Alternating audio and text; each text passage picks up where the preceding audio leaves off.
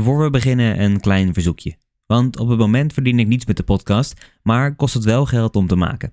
Mocht je waarderen wat ik doe en de podcast willen steunen, dan kun je een eenmalige of terugkerende donatie doen via de link in de beschrijving of op www.verhalenwoordslapengaan.com doneren.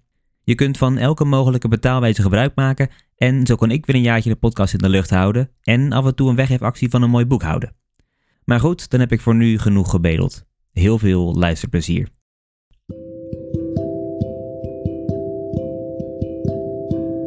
Hallo allemaal en welkom. Mijn naam is Mike en in deze aflevering lees ik voor uit een nagelaten bekentenis van Marcellus Eemans. Dit is Verhalen voor het slapen gaan.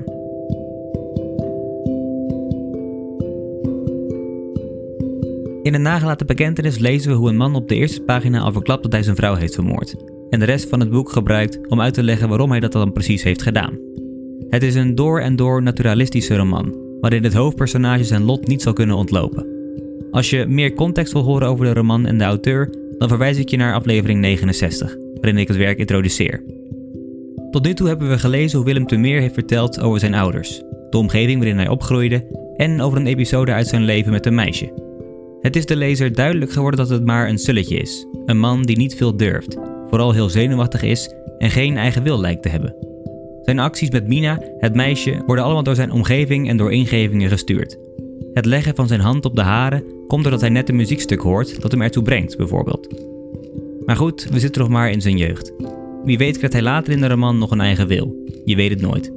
Dit is een nagelaten bekentenis van Marcellus Eemans.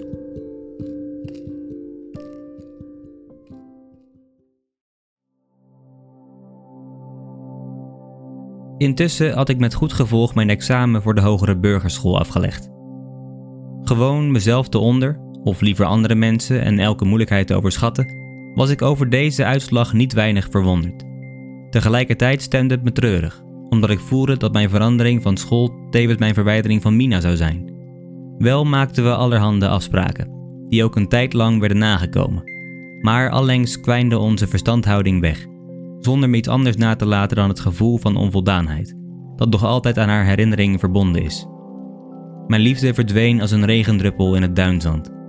Wat achterbleef was een vuil bruine plek.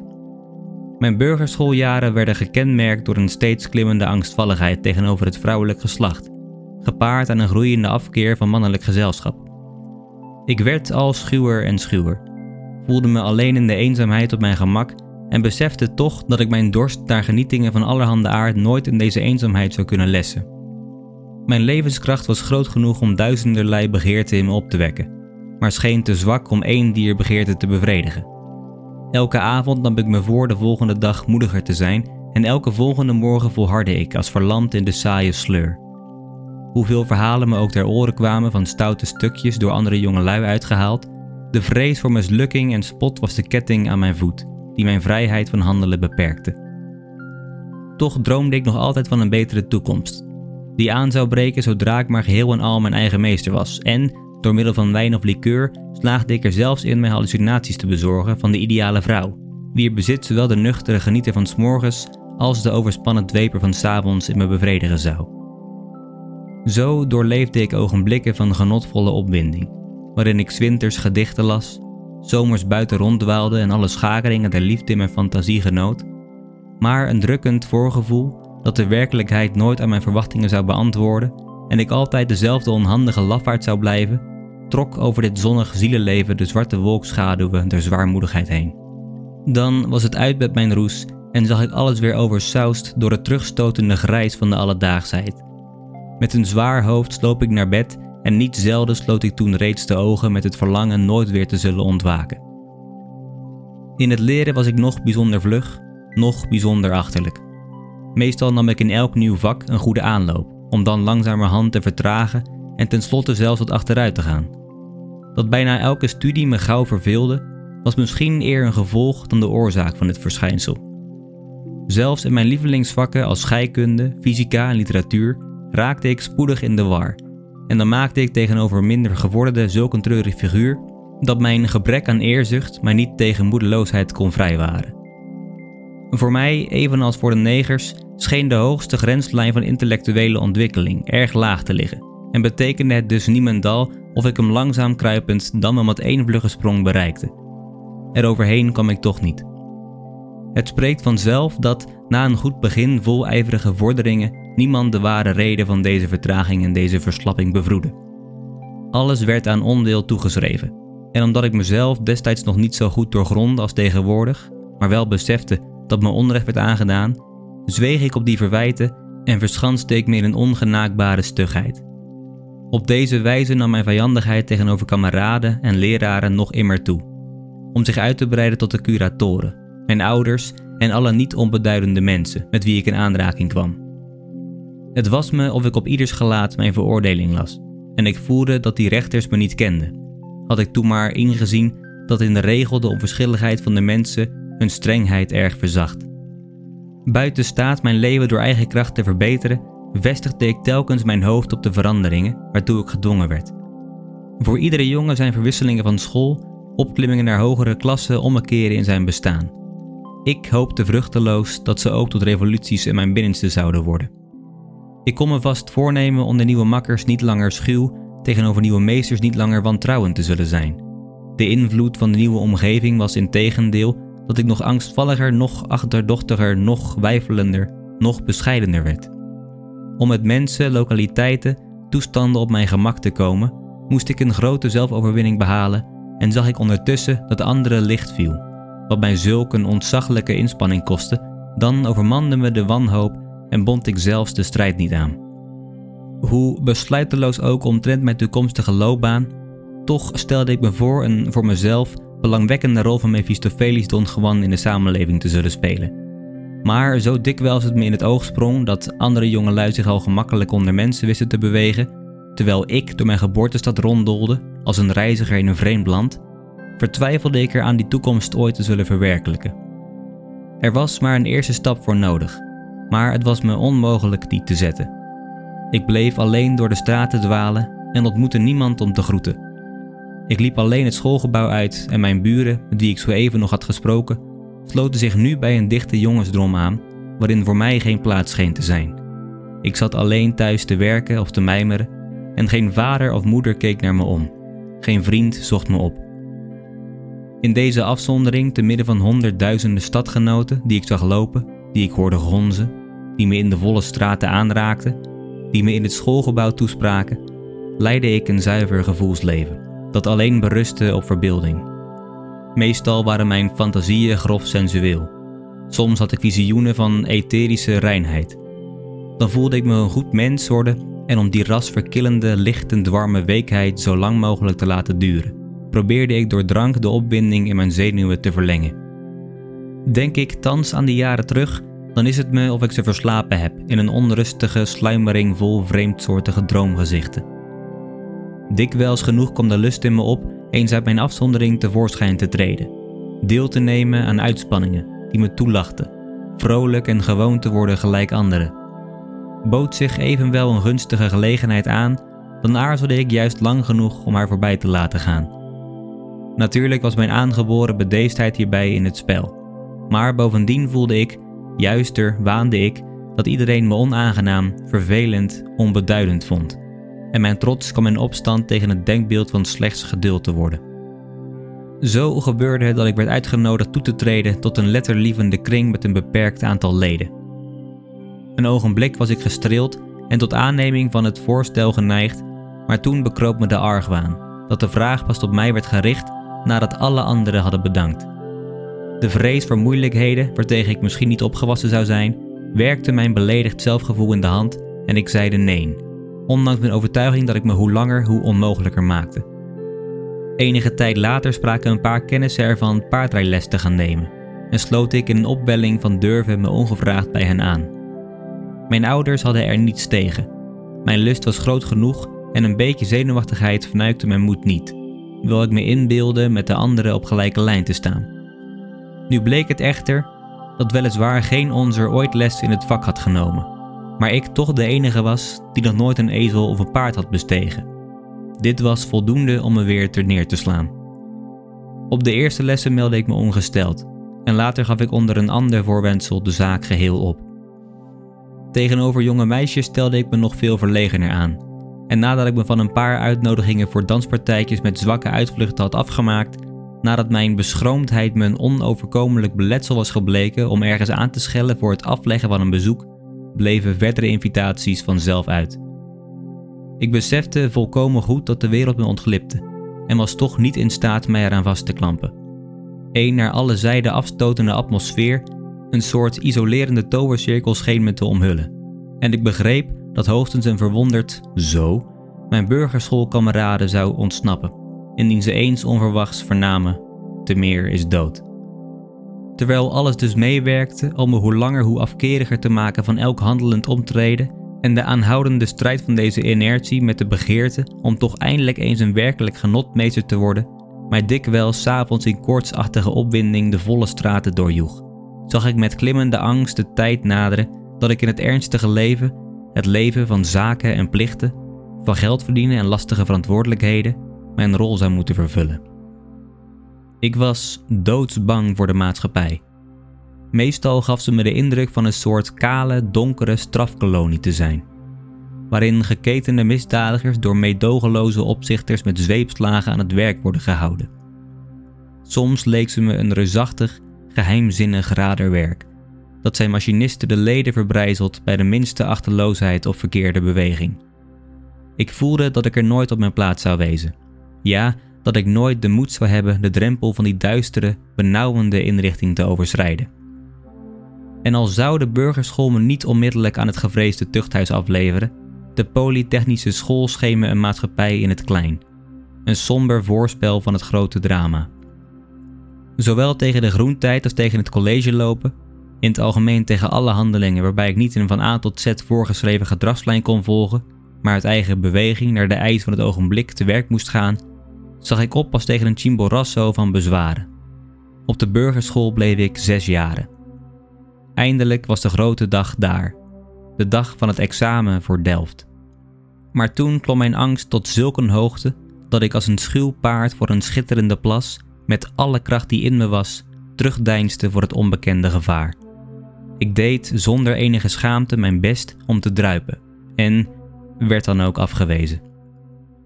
Het veroordelend vonnis weergalmde als een zegenkreet door mijn hoofd en thuis had ik moeite mijn blijdschap verborgen te houden. De ontvangst die me van de oude heer te beurt viel, zal ik niet licht vergeten. Hij liet me bij zich komen in zijn zogenaamd kantoor, waar al wat het oog kan strelen en de geest bezighouden, nooit meer bij machten was hem langer dan een half uur achtereen te boeien. Hem bracht de kleurenharmonie van de donkerrode gordijnen met het Smyrnase kleed en de notenhouten meubelen in generlei stemming. Hem liet de boekenschat van pikante, wijsgerige en belletristische literatuur volkomen onverschillig. Hem leidden de terracotta beeldjes, de majolica vazen, de bronzen reliefs niet af.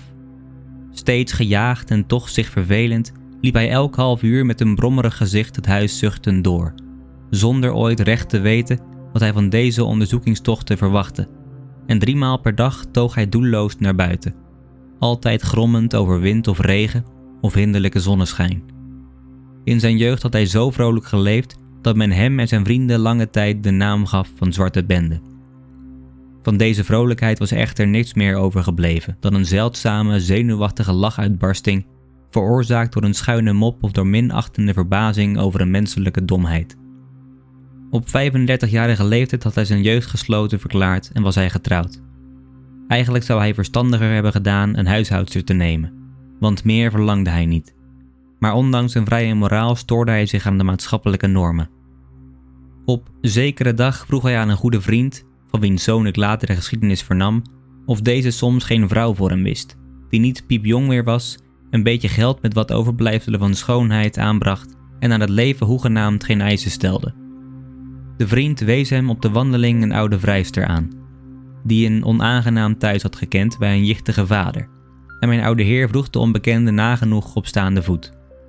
Om zich niet al te erg te vervelen, zocht de man toen baantjes te krijgen. Hij begon met secretaris van een paar bonden, penningmeester van enige stichtingen, president van ettelijke verenigingen te worden en ontwaakte bij gevolg op een goede dag als lid van de gemeenteraad. In laatstgenoemd college sloeg hij een nogal hoge toon aan, maar het duurde niet lang of hij moest weer zijn ontslag nemen en voor zijn gezondheid gaan leven. Zijn zenuwen waren van streek en van die tijd af trok hij nu eens naar Zwitserland om een luchtkuur te doen. Dan naar een zeebad om zich in het zilte nat te dompelen, dan weer naar een specialiteit in het oplappen van ondermijnde gestellen. Niets baatte. Hij werd hoe langer hoe prikkelbaarder en sprak hoe langer hoe minder. Ik geloof niet dat hij zijn enige zoon ooit een vriendelijk of zelfs belangstellend woord heeft toegevoegd. Integendeel liet hij altijd duidelijk genoeg merken dat mijn tegenwoordigheid hem bijzonder hinderlijk was. Of ik sprak te luid, of hij kon mijn aanhoudend stilzwijgen niet verdragen, terwijl mijn kleine verkeerde gewoonte, als op mijn nagels te bijten of nodeloos kuchen, hem soms vloekend deden opstuiven. En nooit liep mijn moeder dan na op minachtende toon aan het standje en voorspelling toe te voegen van al de onaangenaamheden die ik mijn ouders nog op de hals zou halen en al de ellende die ik mezelf bereidde. Kwam het op betalen aan, dan was de oude heer vrijgevig genoeg, zowel voor mijn lessen als voor mijn plezieren. Maar dit was dan ook al wat hij voor mijn opvoeding deed. Op zijn manier hield hij van zijn zoon. Maar wat is dat houden van waard wanneer iemand versleten op is? Kan ik nog van iemand houden? Van mijn moeder ondervond ik weinig meer hartelijkheid. Zolang ik nog het aardige popje was dat mooi werd opgedirkt en waarmee ze pronken kon, had ze druk met me gespeeld. Maar toen ik in mijn ontwikkeling stug, eenzelvig, lelijk werd en haar nooit meer een gelegenheid verschafte om een beetje met me te bluffen, nam haar onverschilligheid met de dag toe. Ijdelheid was haar enige sterk sprekende karaktertrek. Om die reeds half teleurgestelde ijdelheid nog te kunnen bevredigen, had zij mijn vader aangenomen. Maar zijn ziekelijkheid, die haar weer van de wereld afzonderde, verijdelde deze bevrediging geheel en begroef haar bovendien onder lastige zorgen. Mijn vader liet me dus op zijn kantoor komen en vroeg onder het innemen van een lepel brom kalium naar de afloop van het examen. Ondanks een grote lust om me voor het ogenblik met een leugentje van de zaak af te maken, bekende ik gedropen te zijn. De oude heer werd niet dadelijk boos, zoals ik had verwacht, en toonde evenmin verwondering. Zo, ja, het was te voorzien. Ik tenminste heb me niet gevleid. Ik wist wel dat ik nooit plezier van je zou beleven. Dat verbaast je. Je denkt dat ik niet op de hoogte ben omdat ik je niet de hele dag op je vingers kijk. Ik ben toch op de hoogte, dat zie je. Het verwondert me alleen dat je er niet om liegt. Dat hoorde er zo bij. Ik zweeg omdat ik niets wist te antwoorden. Voelde dat mijn zwijgen hem kregelig moest maken en kon toch geen woord uitbrengen. Is het beneden je waardigheid een woordje van spijt uit te spreken? Ik bleef zwijgen en begon onwillekeurig op mijn nagels te bijten. Als je die nagels nu eens met rust liet, hè? Je weet dat zulke dingen me zenuwachtig maken. Opgestaan liep de oude heer een paar malen de kamer op en neer. Daarna ging hij weer zitten. Ik kreeg trek zonder iets te zeggen heen te gaan. Maar hij keek me weer aan en hernam: Weet je wel dat over jou niemand tevreden is? De curatoren evenmin als de leraren, de directeur of ik? Je kop is goed genoeg, die heb je van je vader. Maar je doet net of het er voor jou volstrekt niet op aankomt. Werken schijnt ook al beneden je waardigheid te zijn. Ieder jaar heb je in het begin je best gedaan. Maar zodra je zag dat je de grootste helft van je klasse vooruit was, dacht je: nu weet ik er meer dan genoeg van en ga ik op mijn lauweren rusten. Anderen waren minder dwaas en bleven doorwerken. Die zijn er dan ook zeker doorgekomen en jij bent als een straal gezakt. Krek wat je verdient. Duidelijk herinner ik me op dit ogenblik een zeldzame behoefte gevoeld te hebben om eens de waarheid te spreken. En deze man, die zo goed op de hoogte meende te zijn, het bewijs te leveren dat hij hoegenaamd niets van me begreep. Toch bleef ik zwijgen. Ik zag dat zijn baardeloze, ingevallen wangen dofrood werden, terwijl hij onrustig op zijn stoel heen en weer begon te schuiven. Zijn half toegeknepen zwarte ogen wierpen me snelle, nijdige blikken toe. Zijn rusteloze vingers schoven al de kleine voorwerpen op zijn schrijftafel van rechts naar links en vice versa. Ik moest mijn opzet bekennen, wilde ik vergen dat hij mij begrijpen zou, en toch bleef ik zwijgen. Eindelijk ging hij voort. Het spreekt vanzelf dat jij je als een slachtoffer van groot onrecht beschouwt. Al die examinatoren zijn partijdig, nietwaar? Ze hebben het in het bijzonder op jou gericht, is het niet zo? Nu spreek dan toch, is het niet zo? Als u het zegt, zal het wel waar zijn. Dit antwoord maakte hem woedend. Weet je wat je bent? Een pedante gek. Daarvoor sta je bekend onder je kameraden en ze hebben gelijk. Je ziet op iedereen neer, alsof je heel wat bijzonders was. Je praat met niemand alsof je woorden parelen voor de zwijnen zouden wezen. Je zondert je af, alsof de omgang met anderen je bezoedelen kon. Dat is nu nog alleen belachelijk. Belachelijk en dom. Maar eens zal het je verderf zijn. Je bent bezig onmogelijk te worden. En wat je ook aan zult vangen, alles zal je mislukken.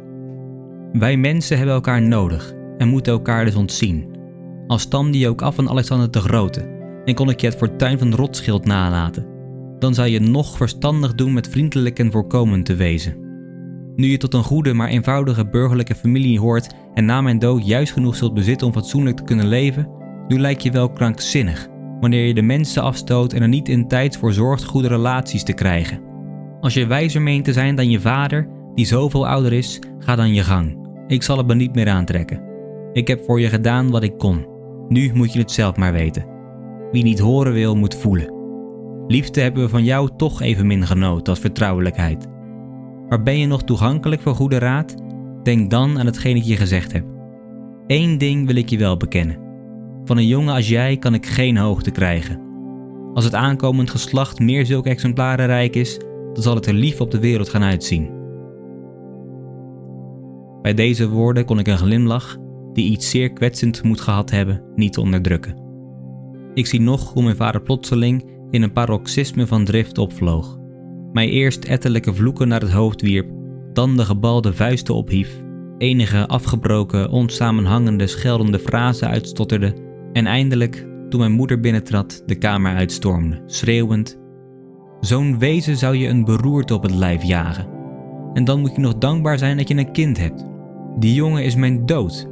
Je zult zien dat die jongen mijn dood is. En nauwelijks was hij weg, of mijn moeder begon met haar eigenaardige, kalme, verdrietige geringschatting. Het is wat moois je zieke vader zo te behandelen. Als hij morgen sterft, heb jij het op je geweten. Maar dat kan jou niet schelen, hè? Jou kan niet schelen. Je zwijgt maar en je denkt er het jouwe van. Lang, ontzenuwend lang praten zij door. Weide uit over de liefde van ouders en de ondankbaarheid van kinderen. Verviel in herhaling, slaakte zuchten, stortte tranen, werd insgelijks wrevelig over mijn aanhoudend stilzwijgen en eindigde met uit te roepen: Ik heb nog nooit zo'n onverschillige druiloor gezien. En achter de mouw heb je het ook. Wat er van jou moet worden, mag God weten. De meisjes zullen je zien komen met je stuurse gezicht. En was je nu nog een mooie jongen, maar die jou neemt, doet het ook om ons beetje geld hoor. Weer bekroop me de lust eens te openbaren wat er in me omging. Weer zweeg ik, omdat de woorden niet over mijn lippen wilden. Na een korte aarzeling liep ik maar weg en sloot me boven in mijn kamer op. Ik heb zelden tranen vergoten, tenzij bij het horen van muziek. Na dit onderhoud echter herinner ik me lang en bitter te hebben gehuild. Oh, ik wist wel dat de mensen mij evenmin begrepen als ik hen, maar gold dit dan ook voor mijn vader en mijn moeder?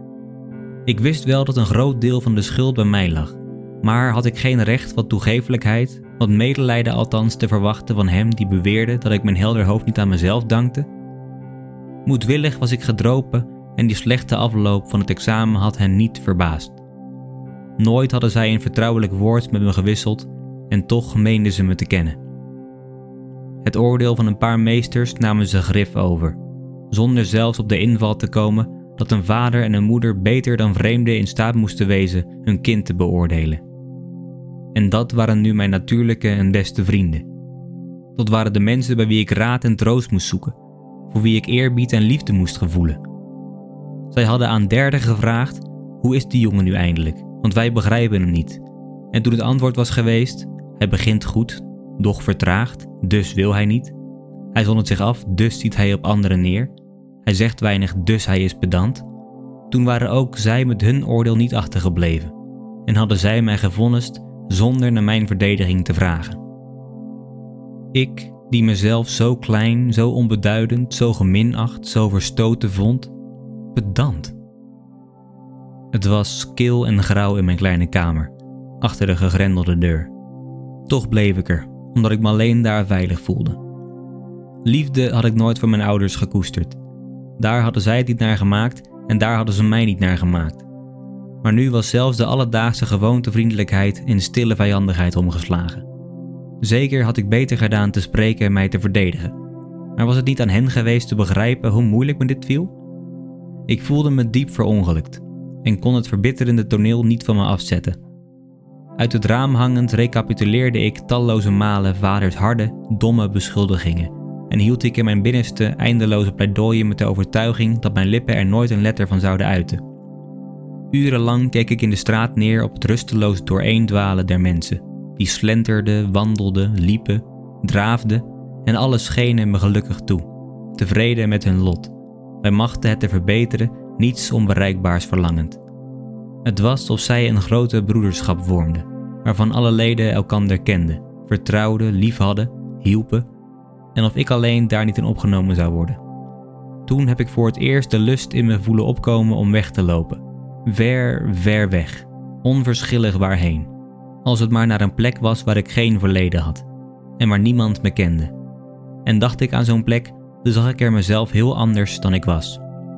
Alsof een nieuwe omgeving me had kunnen veranderen. Alsof een mens in de voortdurende wisseling van al zijn bestanden niet overal de onveranderlijke kern meedraagt, waaruit hij zich gestadig vernieuwt. Eindelijk schoten me de woorden van mijn moeder ook weer te binnen, en onwillekeurig ging ik voor de spiegel staan om mezelf te beschouwen. Ze had gelijk.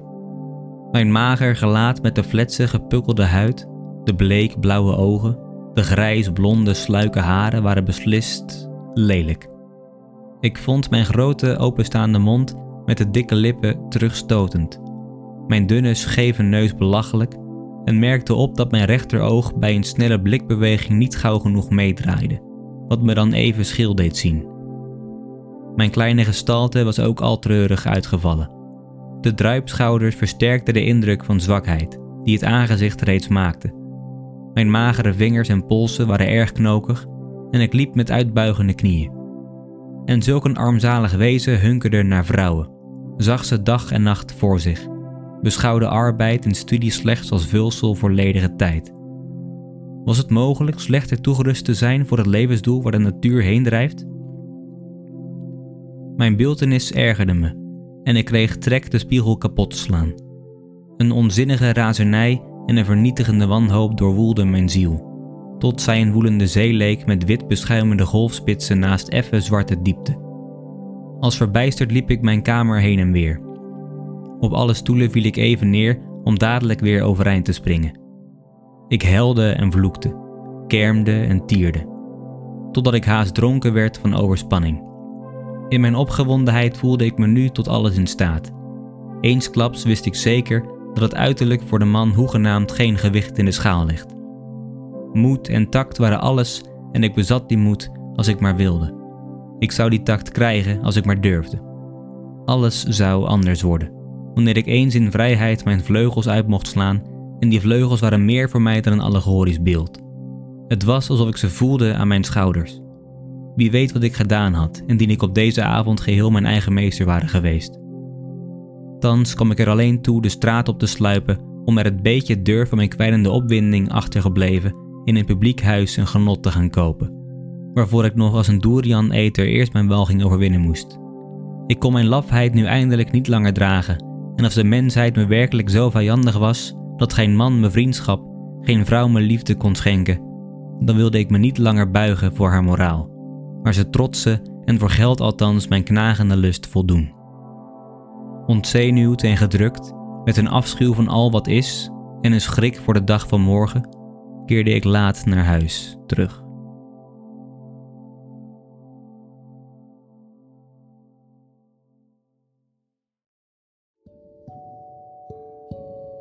Dat was het derde deel van de nagelaten bekentenis. Willem heeft zijn examen afgelegd en eigenlijk bestaat het deel grotendeels uit twee scènes of onderwerpen. Eerst vertelt hij dat hij en Mina geen contact meer met elkaar hebben en verhandelt hij over de verschillende pogingen die hij heeft gedaan om in een sociale kring toe te treden. In het tweede gedeelte vertelt hij zijn vader dat hij is gezakt en wordt hij door zijn ouders best een beetje de grond ingepraat. We lezen hoe hij in eerste instantie nog wel wordt uitgenodigd voor feestjes en partijtjes. Maar wanneer hij steeds afwijst, verdwijnen ook de uitnodigingen. Hij besluit met wat vrienden op paardrijles te gaan, maar daar blijkt hij achter op de rest te liggen en verzint hij al snel excuusjes om ook daar niet meer naartoe te hoeven. We zien dus dat hij op zich wel wil en het probeert, maar het lukt gewoon niet. Hij kan er als het ware niks aan doen. Ook hier zit weer het deterministische naturalisme in. Hoe graag je ook verandering wilt zien, uiteindelijk zijn we allemaal gedoemd om uit te komen bij ons lot. In het tweede gedeelte krijgen we wat informatie over zijn ouders, met name over zijn vader. Wanneer Willem hem vertelt dat hij is gezakt, is zijn vader niet verbaasd. Althans, hij is niet verbaasd over het resultaat, maar wel dat zijn zoon er niet om heeft gelogen. Wat volgt is een tirade waarbij hij zijn zoon nogal pedagogisch onverantwoord beledigt.